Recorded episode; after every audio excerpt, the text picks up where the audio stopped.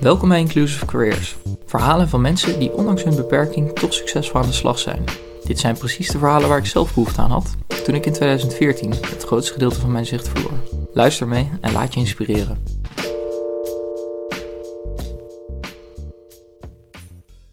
Fleur Linders was tot haar achttiende eigenlijk een uh, heel normaal lenig meisje, maar op haar achttiende kreeg ze te maken met een uh, bindweefselaandoening die tot uiting kwam.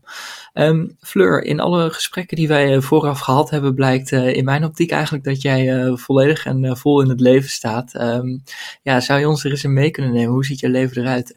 Ja, klopt inderdaad. Ja, ik sta zeker vol in het leven. Ik geniet er vol van. Um, ja, ik ben 33 jaar en ik woon met mijn man en dochter van anderhalf in Utrecht.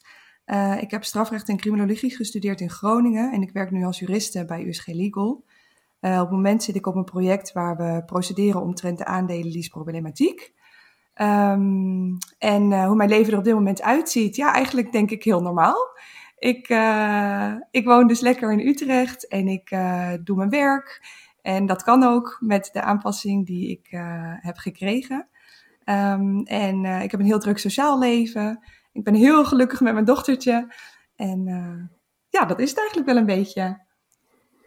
Ja, en um, het klinkt als huisje, boompje, beestje. Uh, ja, iets waar jij uh, heel tevreden mee bent. Um, ja. een, een, een, complexe functie, want ik denk ook dat uh, de mensen die dat net horen, misschien daarvan wel denken van, nou, dat is niet iets wat ik per se zelf zou kunnen zomaar. Um, tegelijkertijd functioneer jij totaal anders dan veel andere mensen, hè? want daar gaan we het zo uitgebreid over hebben, dat jij eigenlijk je volledige computer met spraak bedient, in plaats van met de muis en het toetsenbord. Ja. maar allereerst, dat moment in, op jouw achttiende, dat die aandoening aan het licht komt. Uh, ja, wat gebeurde daar?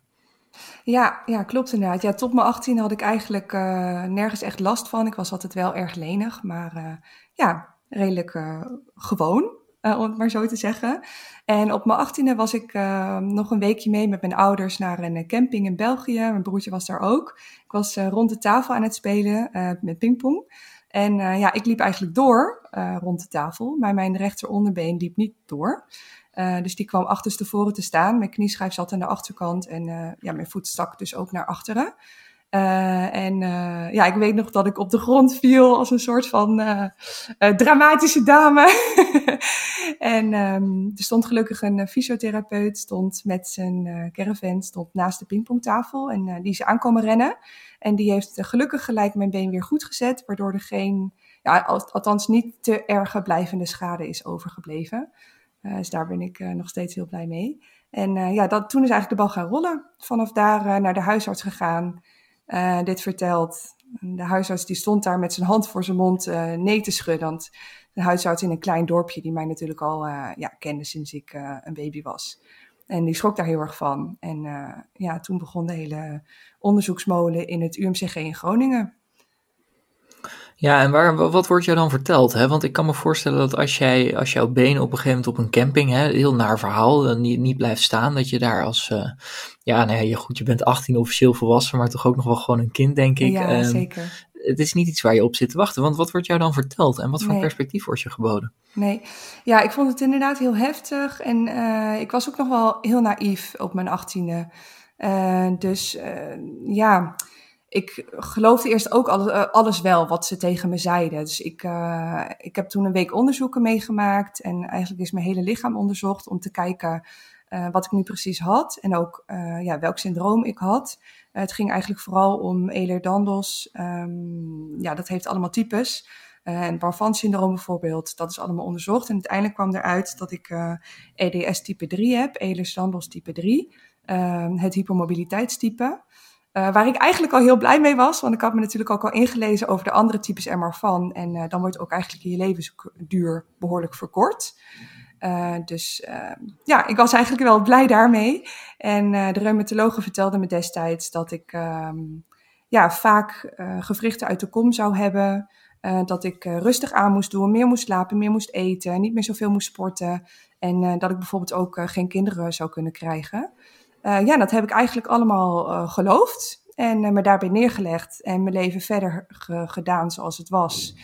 En tijdens mijn studie ook steeds meer aanpassingen wel gedaan. bijvoorbeeld tijdens de examens. Ik kon niet de examens schrijven, dus toen mocht ik op de computer mijn examens doen. En ja, ik heb me daar eigenlijk wel heel erg gewoon mee door laten leiden. Een beetje als een soort van stroompje dat gewoon voortkabbelde.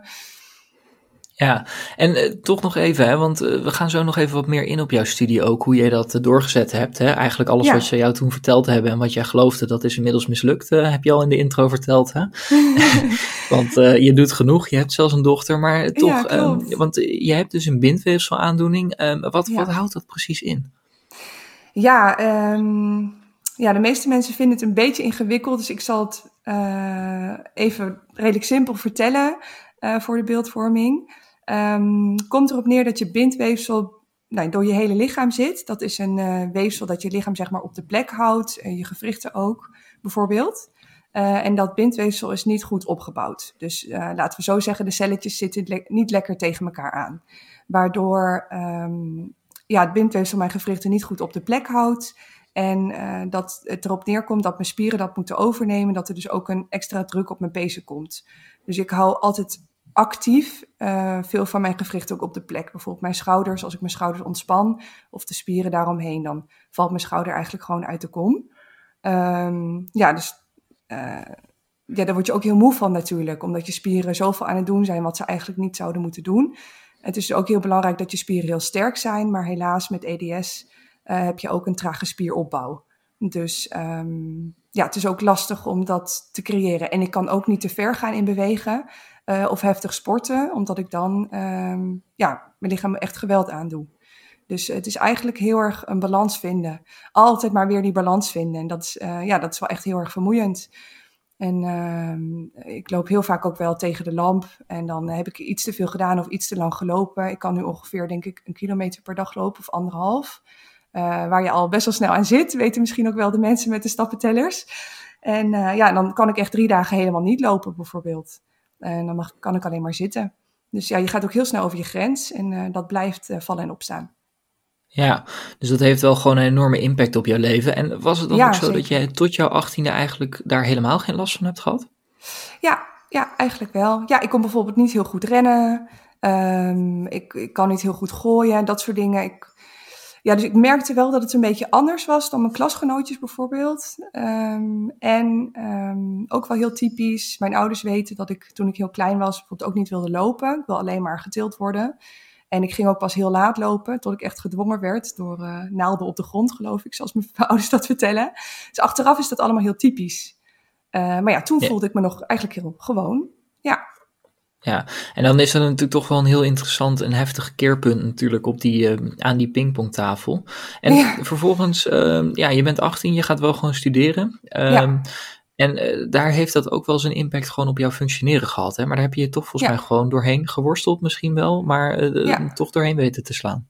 Ja, ja, absoluut. Ja, ja het viel toen ook nog wel mee en... Um, ja, een beetje met passen en meten kon ik het toch allemaal nog wel doen. En je gaat uh, ja, wat dingen verzinnen, waardoor je bijvoorbeeld niet zoveel hoeft te schrijven. Want toen was vooral nog schrijven een probleem.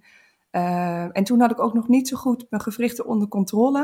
Uh, dus ik had toen ook wel heel vaak ook dingen die uit de kom gingen. Nu weet ik veel beter hoe ik al mijn spieren moet controleren.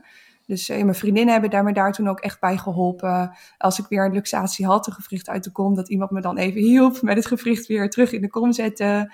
En uh, ja, maar dat, dat, ging eigenlijk allemaal wel. En uh, tijdens mijn studie heb ik ook echt um, op een gegeven moment gedacht: weet je wat, uh, die reumatologe kan ook de boom in. Ik ga wel weer veel sporten. En ik ga een fysiotherapeut zoeken en ik ga weer. Ik ga gewoon weer dingen doen. Um, en ik was inmiddels ook veel kilo's aangekomen, omdat de reumatologe ook had gezegd, uh, meer rust, meer eten en uh, uh, niet zo veel meer sporten. En ik ging van veel sporten naar niet. Dus ja, dat had een grote impact. En ik voelde me helemaal niet meer lekker in mijn lichaam. En ik had het wilde plan met mijn beste vriendin om een jaar op wereldreis ook te gaan naar de studie. Dus ja, ben ik gewoon echt gaan beuken. en iedere dag naar de sportschool en de dingen die ik wel kon gedaan. En ja, heel veel kan ik ook niet. Maar uh, ja, echt je focus op wat je wel kan. En, uh, en uiteindelijk fit daar uitgekomen en ook op die wereldreis gegaan. En ja, uh, dat was dus ook een geweldige uitkomst om te doen na de studie. Um, ja, en mijn studie dus succesvol afgerond. Ja, en dit, dit kenmerkt volgens mij ook wel hoe jij in het leven staat. Van, nou, ik laat me geen dingen wijs maken. Misschien in het begin wel, maar uiteindelijk uh, gaan ze mij niet laten vertellen ehm, hoe ik moet leven en ga ik wel gewoon dingen doen. Ja. Ehm, je hebt in je studie dus ook wel naar suboplossingen misschien, zou ik wel kunnen zeggen, gezocht, waardoor je het wel hebt weten te halen. Ja. Toch is er op een gegeven moment ook een moment gekomen dat je in je werk als jurist, waar jij terecht kwam, ja. vastliep. En dat je echt naar een radicaal andere oplossing moest gaan zoeken, waar, die ik in het begin al een beetje aantipte. Um, hoe kwam dat dan tot stand? Ja, klopt inderdaad. Um, nou, zoals ik al zei, uh, nog een stapje terug hou ik dus heel erg van reizen. Ben ik ook een jaar op reis geweest met mijn beste vriendin. En een aantal jaar later, na al een aantal jaar ook succesvol gewerkt te hebben op de normale manier, ben ik ook nog een half jaar gaan backpacken met mijn man. En um, ja, na dat half jaar backpacken met mijn man kwam ik terug en ging ik weer vol aan het werk, uh, zoals ik dat eigenlijk ook gewend was. Maar die overgang was voor mijn lichaam te groot. Uh, dus toen heb ik in mijn uh, linkerschouder, in de pees die loopt van je schouder naar je bicep, heb ik een ontsteking gekregen. En ik wist toen nog niet dat ik ook uh, ontstekingen zou kunnen krijgen. Of althans, ik had het nog nooit gehad en was me daar niet van bewust. toen ben ik alles gaan opvangen met rechts. Toen is ook mijn rechterpees ontstoken. En omdat mijn rechterheup altijd al lastig, een lastig punt is geweest sinds dat mijn been op heeft, omgedraaid heeft gestaan op mijn achttiende. mijn knie staat niet meer helemaal recht onder mijn heup en dat soort dingen uh, dacht de peesplaat bij mijn rechterheup, nou, dan doe ik ook mee. Dus dan had ik eigenlijk overal ontstekingen. En dat ging eigenlijk redelijk snel wel weer oké, zodat ik weer aan het werk kon. Um, binnen een aantal maanden.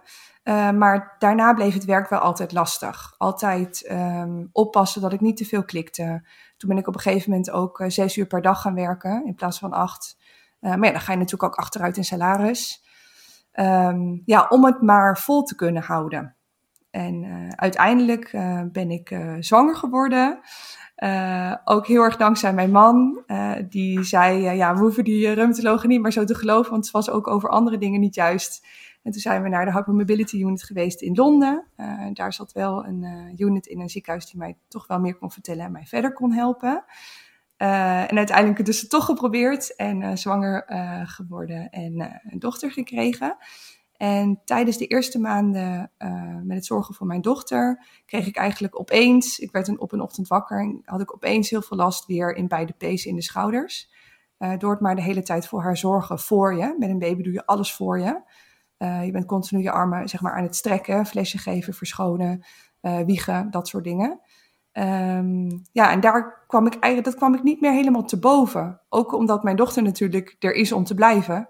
En uh, ik haar ook wil helpen met dingen. En mijn man moest al heel veel opvangen. Ik uh, til haar bijvoorbeeld nooit op. Uh, maar ja, ik geef haar wel gewoon te eten en ik kleed haar ook aan. En ik verschoon haar luier. En ja, dat blijft toch wel een impact hebben op, de, op die pezen. En ja, dat betekent dat het niet meer helemaal nu snel genoeg heelt ook om normaal op de computer te kunnen werken. Dus uh, ja, dus toen moest ik eigenlijk weer aan het werk na het zwangerschapsverlof. En toen kon ik dat niet. Dus toen moest ik muziek melden. Ja. Ja, en uh, je hebt het net al over, hè? Dus, dus dat die uh, reis, je kwam weer vol energie terug, uh, volle ja. bak aan het werk. Ja. Um, daarna ook je dochter die nog meespeelt en dat ja. dat dan toch eigenlijk te veel wordt. Ja. Um, maar nog even kort, hè? als je het hebt over volle bak aan het werk, je bent jurist, ja. je houdt je bezig met complexe materie volgens mij. Maar wat houdt jouw werk precies in dan? Um, ja, ik uh, werk eigenlijk bij een bedrijf waar je verschillende projecten ook wel vaak doet. Uh, dus ik heb uh, veel verschillende projecten en hele interessante projecten ook al gedaan. Um, en destijds en ook nu, ik ben nu weer even op hetzelfde project als ik destijds wat, was, toen ik voor de eerste keer die ontstekingen kreeg, um, zijn we aan het pro procederen omtrent de aandelenlease-problematiek. Dus dat gaat eigenlijk over procederen met een, of tegen een andere partij en proces, processtukken maken. Uh, en uh, ja, die naar de rechtbank... Ja, dus dat is veel, veel luisteren, veel lezen en ook veel schrijven. Ja, ja heel, echt en, veel computerwerk vooral. Ja. Ja, zitten op een stoel en naar een scherm staren en uh, een hoop uh, met de muis klikken. en, uh, ja. en, en, type klikken inderdaad. Ja. En dan kom jij erachter dat dat type klikken waar je het over hebt, wat dus echt een hele grote component van jouw werk is, ja. dat daar eigenlijk de worsteling zit volgens mij en, en dat, dat je daarom dus ziek uitvalt. Ja. En, en hoe lang heeft dat geduurd en wanneer ben je dan toch tot een oplossing gekomen? Want ja, zoals je het nu vertelt, vol energie, passie, ben je toch weer aan het werk en heb je ook je dochter nog steeds. Want zoals je zei, dat is een blijvertje. ja, zeker. Um, ja, ik heb me dus begin uh, februari van vorig jaar heb ik muziek moeten melden. En dat was, zou weer mijn eerste dag zijn uh, om te gaan werken naar het zwangerschapsverlof. En uh, ja, ik, ik kon toen echt heel weinig. Ik kon toen alleen maar eigenlijk op de bank zitten en en uh, niks doen. Uh, ook niet op je mobiele telefoon bijvoorbeeld, want dat irriteerde ook al heel erg die pezen. Ze waren gewoon echt in één keer weer vol ontstoken. Toen ook medicatie daarvoor geslikt. En door die medicatie voel je je ook uh, ja, echt wel slecht. En um, ja, dus dat was echt een hele moeilijke tijd. En uiteindelijk ben ik er met, de bedrijfsarts uitgekomen. de bedrijfsarts werkte met een programma waarmee hij dicteerde. ja, dat is natuurlijk een heel simpel programma verder. Uh, dat is zo'n dictatieprogramma. Maar het is wel hetzelfde als waar ik nu mee werk. Uh, het heet Dragon. Uh, het is van Nuance. En hij zei, kun jij niet ook daarmee gaan werken? nou, dus dat heb ik verder uitgezocht. En toen zag ik dat ik via het UWV een procedure kon starten tot aanvraag van een inneembaar hulpmiddel. Um, en dat heb ik in overleg van mijn werk, met mijn werkgever, die daar heel positief over was, heb ik dat gedaan. Uh, en uh, die procedure duurde heel erg lang, omdat ik uh, vanwege corona duurde dat eigenlijk heel erg lang. Ik had een afspraak bij de reumatoloog nodig um, om een prognose en diagnose te krijgen. Dat is een document dat het UWV van je nodig heeft. ja, en door corona, dat weet iedereen, het hele zorgsysteem was overbelast. En ik had natuurlijk ook niet iets drastisch nodig voor mijn gewrichten. Ik had geen medicatie nodig of iets dergelijks. Die mensen hebben allemaal voorrang. Um, ja, dus ik kwam er pas eh, heel laat aan. En toen had ik de brieven machtigd en kon ik verder met de procedure bij het UWV. En vanaf toen ging het eigenlijk ook wel goed. Um, en het UWV werkt samen met uh, Babbage, met het bedrijf dat mij dan heeft geholpen ook uh, in het hele proces en nog steeds helpt. Um, en ja, nou, dat, dat was goedgekeurd bij het UWV, mocht ik dus ook aan de slag met, met Babbage om alles in te gaan regelen. Ja, want wat er eigenlijk gebeurt, hè, en het is natuurlijk wel schrijnend, want uh, dit is precies zo'n uh, effect van die coronacrisis waarin we zien dat uh, ja. ja. de, de, de zorg niet overbelast moest worden, maar natuurlijk ja. dat andere zorg inderdaad wel op een latere plek kwam, waar jij dan heel ja. erg veel last van hebt gehad. Maar wat je dus eigenlijk gaat doen, is dus dat, dat programma Dragon on, ontdek je. Um, en vervolgens ben je dus een, een, aanvraag gaan doen met UWV om ja. dat programma ook aan te vragen. Ja goed, dan komt er een CD-rommetje, of misschien tegenwoordig kan dat, neem ik aan, gewoon geïnstalleerd worden als download. um, maar dan komt dat binnen en dan noem je al even Babbage, want dan ben je er nog ja. niet, denk ik, of wel? Nee, zeker niet. Nee, het is echt een proces. Um, ja, het is echt een ja. proces. En, en, en nog even, van, van wat, wat, wat, wat, wat Dragon doet, hè, dat is eigenlijk dat het uh, uh, eigenlijk alle functionaliteit op jouw scherm kan overnemen en dat je dat eigenlijk volledig met stembediening uh, zou kunnen bedienen. Hè? Ja, inderdaad. Ik zie het een beetje zo dat Dragon eigenlijk als een soort van laagje op mijn hele computer ligt. Uh, en ik kan met Dragon, heb ik, ja, kan ik in alle systemen, heb ik toegang tot alles. Uh, met mijn spraakcommando's. Dus ik geef een spraakcommando, uh, bijvoorbeeld Open Windows Verkenner. Dan opent hij Windows Verkenner. Dan zeg ik klik, klik dit, klik dat enzovoort. Druk enter of open dit. ja, en zo gaat het eigenlijk de hele dag door. Dus ik echt alle, alle dingen die je doet op het toetsenbord of met je muis, dat doe ik allemaal met mijn stem. Ja, dus dat, dat klikken tikken waar je het net over had, dat wordt volledig overgenomen door uh, ja. uh, uh, jou, jouw spraakgebruik. Ja. En dat is natuurlijk heel interessant. En dan wilde jij net al vertellen, en toen onderbrak ik jou nog even om even mee te nemen in wat Dragon is, dat het toch ook wel ja. een heel proces is om, om door te komen, om ja. ja. die hele bediening onder de knie te krijgen, denk ik. Ja, zeker. Ja, absoluut. Ja, ja het werd uh, heel professioneel werd het geïnstalleerd op mijn uh, computer um, nog uh, bij de, bij de IT-afdeling van mijn werkgever. in samenspraak met een, een werknemer bij Babbage. Um, en ik kreeg de computer thuis en daarna kwam ook een aantal keer een persoon van Babbage bij mij langs. Sander, dank nog. en ja, die heeft mij eigenlijk meegenomen in hoe ik daar het beste mee kan werken. En ik had niet verwacht dat het zoveel oefenen ook zou zijn. Ik heb bijvoorbeeld heel lang voorgelezen uit een boek. En dan iedere regel drie keer voorlezen. En nadat je de regel hebt voorgelezen, verbeter je ook de regel. zodat het programma echt van jou kan leren. Zodat het ook helemaal op jouw stem wordt toegepast. Als mijn man bijvoorbeeld ja, want... wat zegt, dan pakt dat programma het niet op. Dat betekent dus dat het programma eigenlijk uh, moet, moet wennen aan jouw stem. Ja, moet wennen aan mijn stem. Het moet echt mijn spraakprofiel leren kennen. Ja. Oké, okay. nou fascinerend. Ja. ja, inderdaad. Ja, ik vond dat dus ook. En inderdaad, hoe langer ik doorging, hoe meer het programma mij ook begreep. En uiteindelijk begreep het programma mij goed genoeg om het programma ook commando's te gaan geven. Het programma moet je natuurlijk goed kunnen verstaan uh, om ook een commando van jou te kunnen uh, verwerken. En ja, dat kon dus uiteindelijk ook. En nu kan ik dus heldere commando's geven die mijn computer ook begrijpt. Ja, en zou je eens een paar van die commando's kunnen voordoen, zeg maar? Stel, uh, je wil een afspraak maken in je agenda. Hoe, hoe gaat het dan in zijn werk? Uh, ja, dan uh, doe ik dat bijvoorbeeld in Outlook. Dus dan zeg ik open Outlook, klik op agenda, klik op nieuwe afspraak maken, druk tab, druk tab.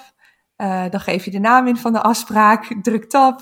dan zet je er nog iets anders in, klik dat, maak dat die tijd. en klik inplannen bijvoorbeeld. Ja. ja. En zo ga je er dus eigenlijk uh, weer net zo snel heen, doorheen als vroeger, of, of zitten er nog wel beperkingen in? Nou, er is zeker nog een leercurve. Uh, ik ben nu, ik ben half december begonnen met oefenen uh, met het programma. Dus dat was echt nog het voorlezen. En ik ben sinds februari ben ik er weer mee aan het werk. Uh, maar ja, het is echt nog een leercurve. Ja, je gaat echt lang niet zo snel als, als ik dat van mezelf vroeger gewend was. En ik, ik moet zeggen, ik ben ook wel een snelle klikker en typer. of althans was. Uh, dus dat is echt even schakelen. Maar ik merk dat het steeds sneller en sneller gaat. Uh, ja, de commando's zitten er op een gegeven moment wel in. en dan, ja, dan, dan rolt het er ook allemaal wel uit. En dan gaat het eigenlijk wel makkelijk. En niet alle ja. programma's zijn even toegankelijk met Dragon. Bijvoorbeeld Excel uh, is toch wel redelijk problematisch om daar fijn in te navigeren met je stem. Uh, niet alle programma's, niet alle um, uh, dingen die je zegt worden goed opgepakt. maar Babbage helpt mij daar weer mee om dat toch voor mij uit te zoeken en ook gedeeltelijk in te programmeren. Dus ja. ja. als je ergens tegenaan loopt wat niet lukt, dan kun je ook echt aankloppen. bij, bij zo'n bedrijf, om, om je daar gewoon mee te helpen. Je hoeft niet zelf al de hele tijd het wiel uit te vinden. Ja, en je vertelde net ook al dat Sander jou dus heel erg eh, goed geholpen heeft. Maar wat moeten mensen daarbij denken? Van wat voor een tijdsinvestering? Want hij heeft je training gegeven dan, denk ik, hè? Ja, klopt. Wat voor een tijdsinvestering is dat geweest? Uh, hij is hier drie keer een ochtend langs geweest, uh, drie uur. Uh, verder nog een, ja, een aantal keer telefonisch. een uur per keer, geloof ik. En ja, en in, nu heb ik gewoon regelmatig contact via app of bellen of mail. Uh, met vragen en dingen die ze voor mij aan het uitzoeken zijn. Um, ik heb bijvoorbeeld gemerkt dat ik af en toe nog een klikje moet geven. Uh, als ik bijvoorbeeld iets wat uit Excel is geplakt in een mail wil selecteren. Uh, dan gaat dat eigenlijk niet zo goed nu nog met je stem. Hopelijk komt dat nog. En ik heb nu een aangepaste muis gekregen die ik in mijn hand kan vasthouden. Terwijl mijn hand gewoon, terwijl mijn armen op mijn schoot rusten. en ik daar eigenlijk mee kan klikken. Zoals een soort van, ja, mini pistooltje, zeg maar. uh, zodat ik dat ook kan doen. Uh, en ja. dat af en toe klikjes, dus geen probleem. En wat, wat betekent dit nou voor jou? Want uh, kun je hierdoor weer gewoon volledig aan de slag? Ja, ja, hierdoor kan ik absoluut volledig weer aan de slag. Ja, ja, het heeft dus echt een tijdsinvestering nodig. En uh, je moet ook echt doorzetten. Maar ja, de vruchten die je er dan van plukt. Uh, om uiteindelijk weer normaal te kunnen deelnemen in het, uh, werken, aan het werkende leven. En uh, ja, voor mijn gevoel weer, weer hoe het voor mij normaal was in de maatschappij te staan. Ja, dat is voor mij heel, heel, heel waardevol. Ja, nee, ik vond het echt verschrikkelijk om al die maanden thuis te zitten en niks te doen. En uh, ja, daar heb ik ook niet voor gestudeerd. Ik ben een persoon die, die echt graag wil en uh, die graag wil werken. Dus ja, voor mij opent dit gewoon heel erg veel deuren. En ik kan dit programma ook weer meenemen. Stel je voor dat ik ooit naar een andere werkgever wil of moet of ga. Uh, dan kan ik via het UWV kan ik dat programma ook weer meenemen. Het is echt een meeneembaar hulpmiddel. Dus het is niet alleen voor nu bij deze werkgever. Maar het is ja. ook echt voor in de toekomst. En uh, als je nou terugkijkt, hè, want je doet dit nu sinds februari, dat is eigenlijk natuurlijk nog helemaal niet zo lang. Is dit dan echt nee. iets waarvan je denkt van, joh, had ik dit maar tien jaar geleden al opgepakt? Um, nou nee, niet tien jaar geleden, want toen ging computer eigenlijk ook nog heel lekker. Um, maar ja, zeker al een aantal jaar. Ja, ja, ik had het zeker een aantal jaar eerder graag willen doen en ontdekken. Uh, dan moet ik wel zeggen, ik weet dat het moeilijk is om uiteindelijk te accepteren dat je op een andere manier moet gaan werken. En dat je niet door kunt zoals je nu doorgaat. Dus ik heb ook wel lang aangemodderd. En ja, dat is ook een fase waar je dan doorheen gaat om uiteindelijk toch tot de realisatie te komen oké, ik moet het echt anders gaan doen. Maar ja, ik had gewild dat ik het niet zo lang had laten doormodderen. En dat ik eerder dit had ontdekt, hiervan had geweten en ja, het echt had opgepakt om zo te werken. Ja.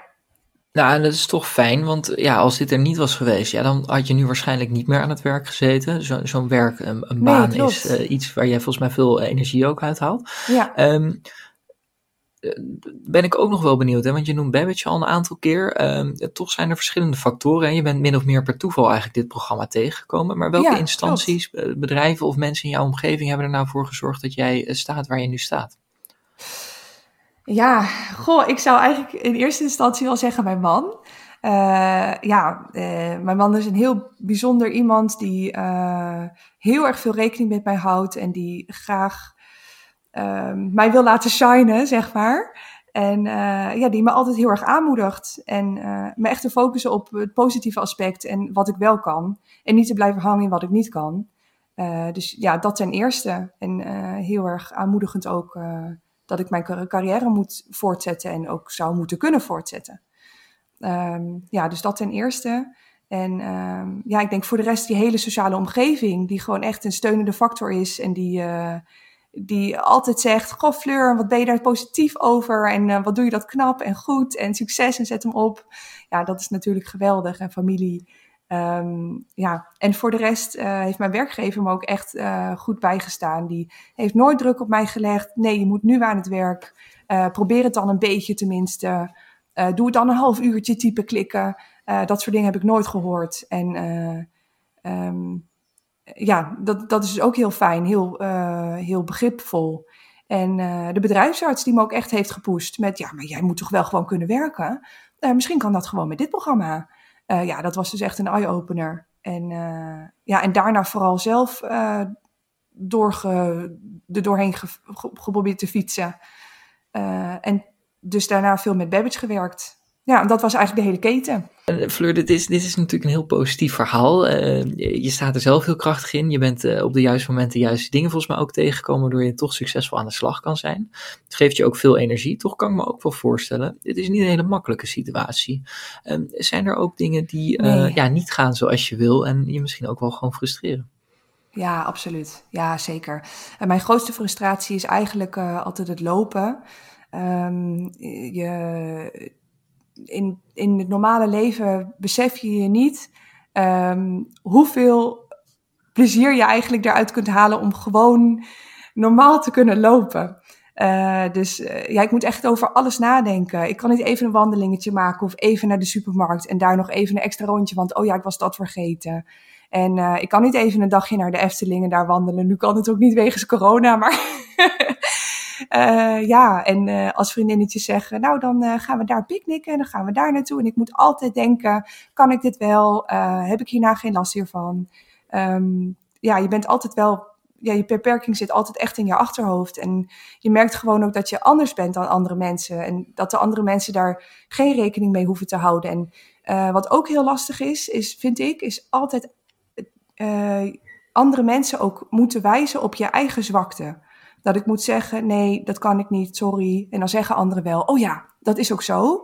Of, oh ja, dat had ik ook wel zelf kunnen bedenken. Maar ja, continu die zwakte moeten laten zien, dat vind ik heel erg moeilijk. En dat verbloem ik dan ook wel vaker. En daar ben ik inderdaad dan ook heel positief over. Maar ja, uh, ja binnenin knauwt dat, knauwt dat natuurlijk wel echt.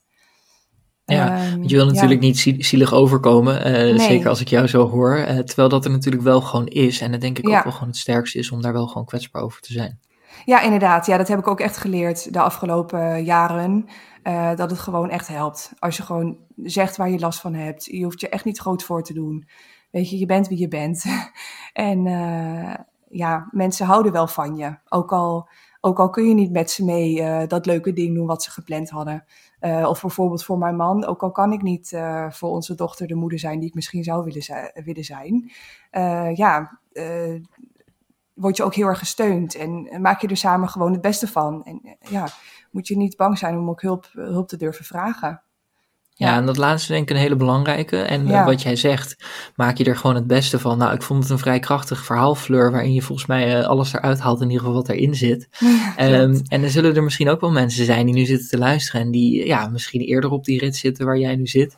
Uh, En nog niet zo ver zijn en wel zoiets hebben van, nou, ik wil daar misschien ook wel gewoon komen. Dit klinkt toch als iemand die dus, dus veel eruit haalt. Wat, wat zou je die mensen nou mee willen geven?